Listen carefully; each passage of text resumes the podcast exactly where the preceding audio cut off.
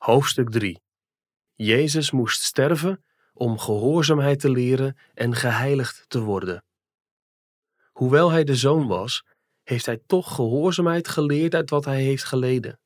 Hebreeën 5, vers 8.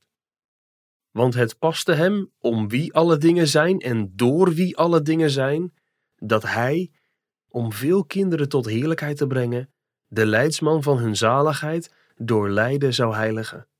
Hebreeën 2, vers 10. Juist in het Bijbelboek waarin staat dat Christus gehoorzaamheid heeft geleerd door te lijden en dat hij werd geheiligd door te lijden, staat ook dat hij zonder zonde was. Die, Christus, in alles op dezelfde wijze als wij is verzocht, maar zonder zonde. Hebreeën 4, vers 15. Dit blijft de Bijbel ons consequent voorhouden. Christus was zonder zonde. Hoewel hij de zoon van God was, was hij tegelijk ook werkelijk mens.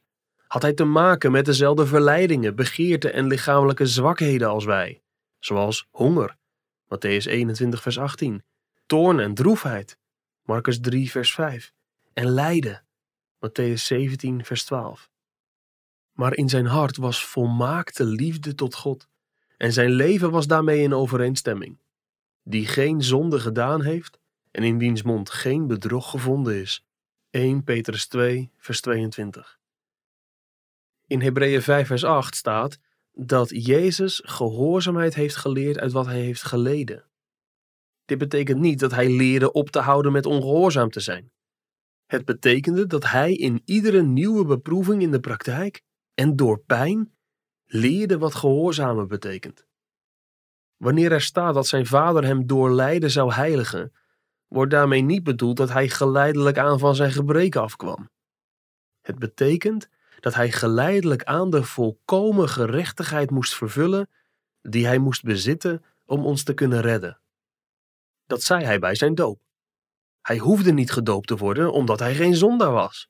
En toch ging hij naar Johannes de Doper toe om gedoopt te worden en zei: Op deze wijze past het ons alle gerechtigheid te vervullen. Matthäus 3, vers 15. Het gaat hierom. Als de Zoon van God van zijn menswording af naar het kruis was gegaan zonder een leven van verzoeking en pijn om zijn gerechtigheid en zijn liefde op de proef te stellen, zou hij geen geschikte zaligmaker voor gevallen mensen zijn geweest. Door zijn lijden werd niet alleen de toorn van God gestild, daardoor bleek ook dat hij echt mens was en ons zijn broeders en zusters kon noemen. Hebreeën 2, vers 17.